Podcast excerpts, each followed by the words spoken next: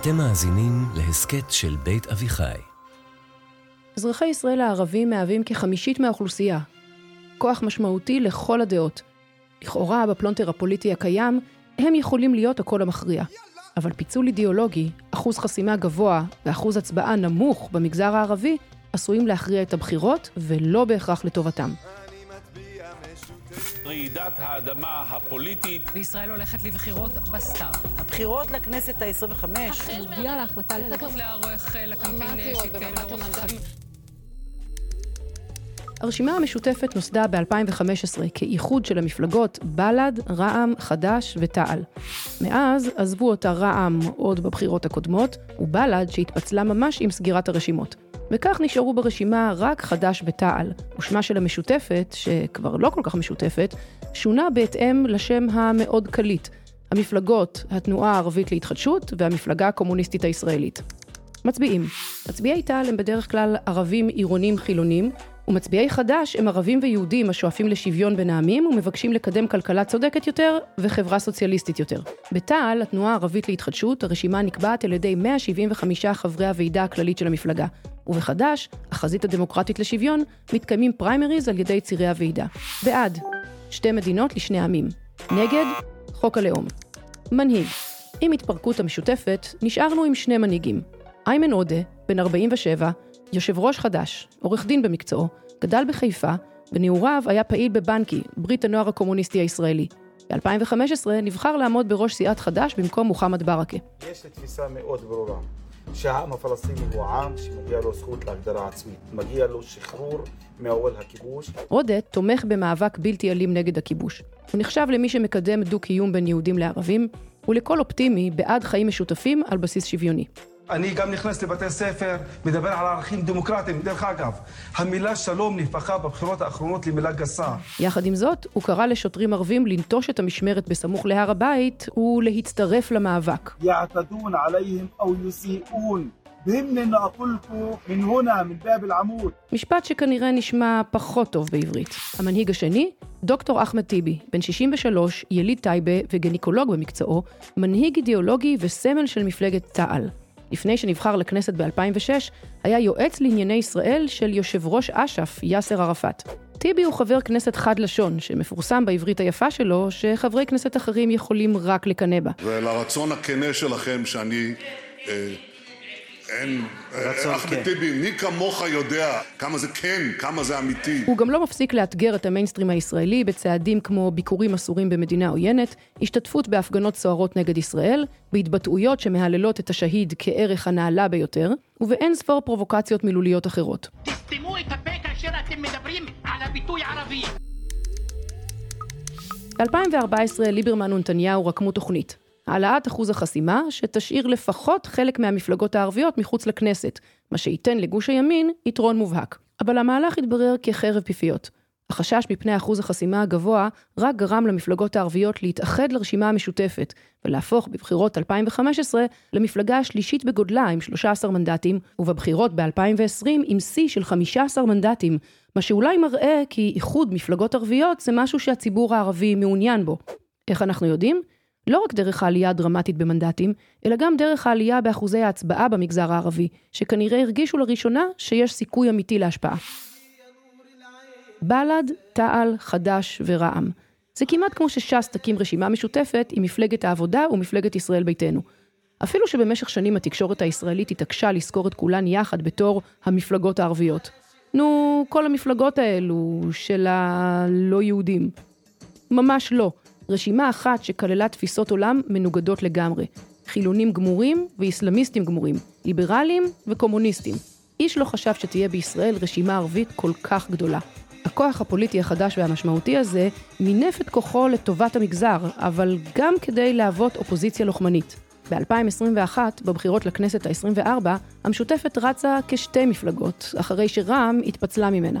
כל הסקרים הראו כי רע"מ לא תעבור את אחוז החסימה, אבל מנסור עבאס התעקש שהם עוברים, ואכן המפלגה הפתיעה ונכנסה לכנסת. המשותפת, לעומת זאת, זכתה רק בשישה מנדטים. הפעם, לקראת הסיבוב הקרוב, ממש בליל הגשת הרשימות, חל פיצול נוסף, כשבל"ד החליטה לפרוש מהרשימה המשותפת. תאזינו לפרק שלנו על בל"ד, ותבינו למה. גם הפעם הסקרים מראים כי בל"ד לא עוברת את אחוז החסימה. לכן, על פניו, נראה כי מדובר במהלך התאבדותי. אבל כבר ראינו שהסוקרים לא מצליחים להעריך נכון את המפלגות הערביות. עכשיו, אחרי הפרישות של רע"מ במערכת הבחירות הקודמת ושל בל"ד במערכת הבחירות הנוכחית, נשארה הרשימה המשותפת עם שתי מפלגות בלבד מתוך האיחוד, תע"ל וחד"ש. למצביע הישראלי-יהודי נדמה כי מדובר בשתי מפלגות עם אידיאולוגיה דומה. לשתיהן צביון חילוני, שתיהן תומכות בסיום הכיבוש, בחזרה לגבולות 67 או קביעת ירושלים המזרחית כבירתה של המדינה הפלסטינית שתקום, בהסדרת מעמד הפליטים ובשוויון זכויות מלא לאזרחי ישראל הערבים. אבל יש הבדלים בין המפלגות, והם נובעים מתפיסת עולם שונה. חד"ש היא מפלגה ערבית יהודית, שמצביעים לה גם יהודים, ושכיהנו בה לא מעט חברי כנסת יהודים, כמו למשל תמר גוז'נסקי ודוב חנין בעבר, ועופר כסיף בהווה. חנין, למשל, היה אהוד על כל חלקי הכנסת בזכות העבודה הפרלמנטרית היסודית שלו, בעיקר בנושאים של איכות הסביבה. תפיסת העולם המרקסיסטית והאוניברסלית של חד"ש נותנת לה אופי חברתי וקוסמופוליטי יותר. שוויון בין ערבים ליהודים במדינת ישראל, שנגזר מתוך שאיפה לשוויון מעמדי עולמי ברוח המניפסט הקומוניסטי. ערבים ויהודים ביחד. ערב ויהוד נאדרים לאג'ל אל-עדאלה. למען שלום, שוויון וצדק חברתי. חד"ש הקומוניסטית פופולרית בחוגים האינטלקטואליים ומתמקדת לא מעט גם בנושאים כלכליים כמו הגדלת שכר מינימום וקצבת ילדים, חינוך חינם, ביטול הפרטות של חברות ממשלתיות, דיור חברתי ושוויון במערכת הבריאות. תע"ל, לעומת זאת, היא מפלגה ערבית מובהקת עם זיקה לאומית. היא מחוברת יותר לשכבות החלשות ומעוניינת בהכרה בכפרים הלא מוכרים ובזכות השיבה. לכן, שתי המפלגות בוחרות להתמקד בעיקר בנושאים המשותפים להן, כמו קידום רעיון המדינה הפלסטינית ממזרח לכביש 6. כל אחת מהמפלגות קטנה מדי כדי לשרוד לבדה, כך שריצה משותפת היא הפתרון הריאלי עבור שתיהן. המתחרה העיקרית של רשימת חד"ש-תע"ל היא מפלגת רע"מ, שהייתה עד לא מזמן חלק מהאיחוד הכולל של המשותפת. רע"מ בחרה להתנתק משאר הרשימות הערביות, כי החליטה להציג גישה פרגמטית יותר, הממוקדת מתנאי החיים של הציבור הערבי בישראל כאן ועכשיו, ופחות בהתנגדות לשלטון הישראלי ובבעיה הפלסטינית. הם מעדיפים תקציבים לבתי חולים ערבים בצפון, לתשתיות ולחינוך, אפילו אם הם צריכים לשתף פעולה עם ממשלות שמנקודת מבטם ממשיכות לקדם את הכיבוש. במי יבחר הציבור הערבי?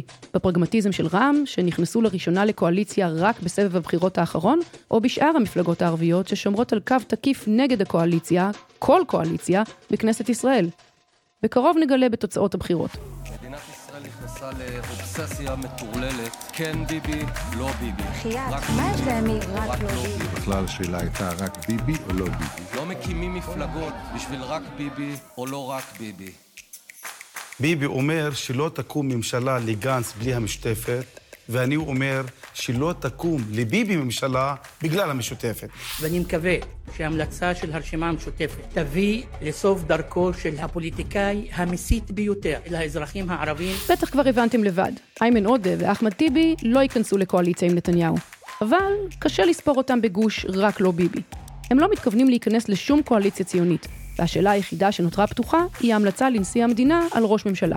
ב-2019 המליצה המשותפת לראשונה, בפעם היחידה, על מועמד לראשות הממשלה, בני גנץ. האם זה יקרה גם הפעם? אנשים יושבים ומתפארים שהם מביאים מוות. למשל, הסרטון של גנץ, שהוא מתגאה כמה בתים הוא הרס, כמה פלסטינים הוא הרג, נורא ואיום. כנראה שלא. בספטמבר האחרון הושגה הבנה בין הסיעות במשותפת, לפיה לא ימליצו על אף מועמד, וכי המשותפת לא תהיה בשום צורה חלק מכל קואליציה, באופן ישיר או עקיף, כל עוד אותה ממשלה מיישמת מדיניות של כיבוש ואפליה. אבל כל זה היה בעיקר בגלל שבל"ד תבעה מסיעת חד"ש התחייבות שלא להמליץ על אף מועמד ולצאת מגוש המרכז-שמאל. מאז, בל"ד כזכור התפצלה מהמשותפת. האם זה משנה את התמונה? איימן עודה טוען שהם לא פוסלים על הסף, אלא מתנים את ההמלצה בשורת דרישות, כמו תמיכה במשא ומתן מדיני, בהסדרת כפרים לא מוכרים בנגב, ובטיפול בפשיעה הגואה במגזר הערבי. כרגע, הסקרים מעניקים לרשימה המשותפת של תע"ל וחד"ש ארבעה מנדטים. מצד אחד, גבולי מאוד. מצד שני, ההיסטוריה מוכיחה שהסקרים טועים בכל הנוגע למצביעים הערבים. נפילה של רשימת חד"ש-תע"ל מתחת לאחוז החסימה היא ניצחון כמעט ודאי לגוש רק ביבי. האם המצביעים הערבים יצילו את הרשימה ויעניקו לה את מינימום הקולות הנדרשים? האם הציבור הערבי יעדיף את הגישה הפרגמטית של רע"מ, או את הלוחמנות והסרבנות של המשותפת? אתם תכריעו.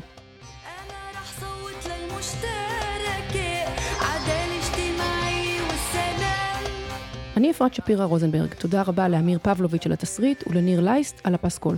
תודה רבה גם לשלומית גולדין הלוי, לשי זמיר, לאריה גולדין ולאייל לויט, חברי המערכת וההפקה המסורים.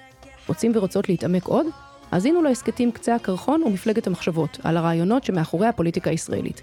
עכשיו, באתר בית אביחי ובפלטפורמות ההסכתים המובילות.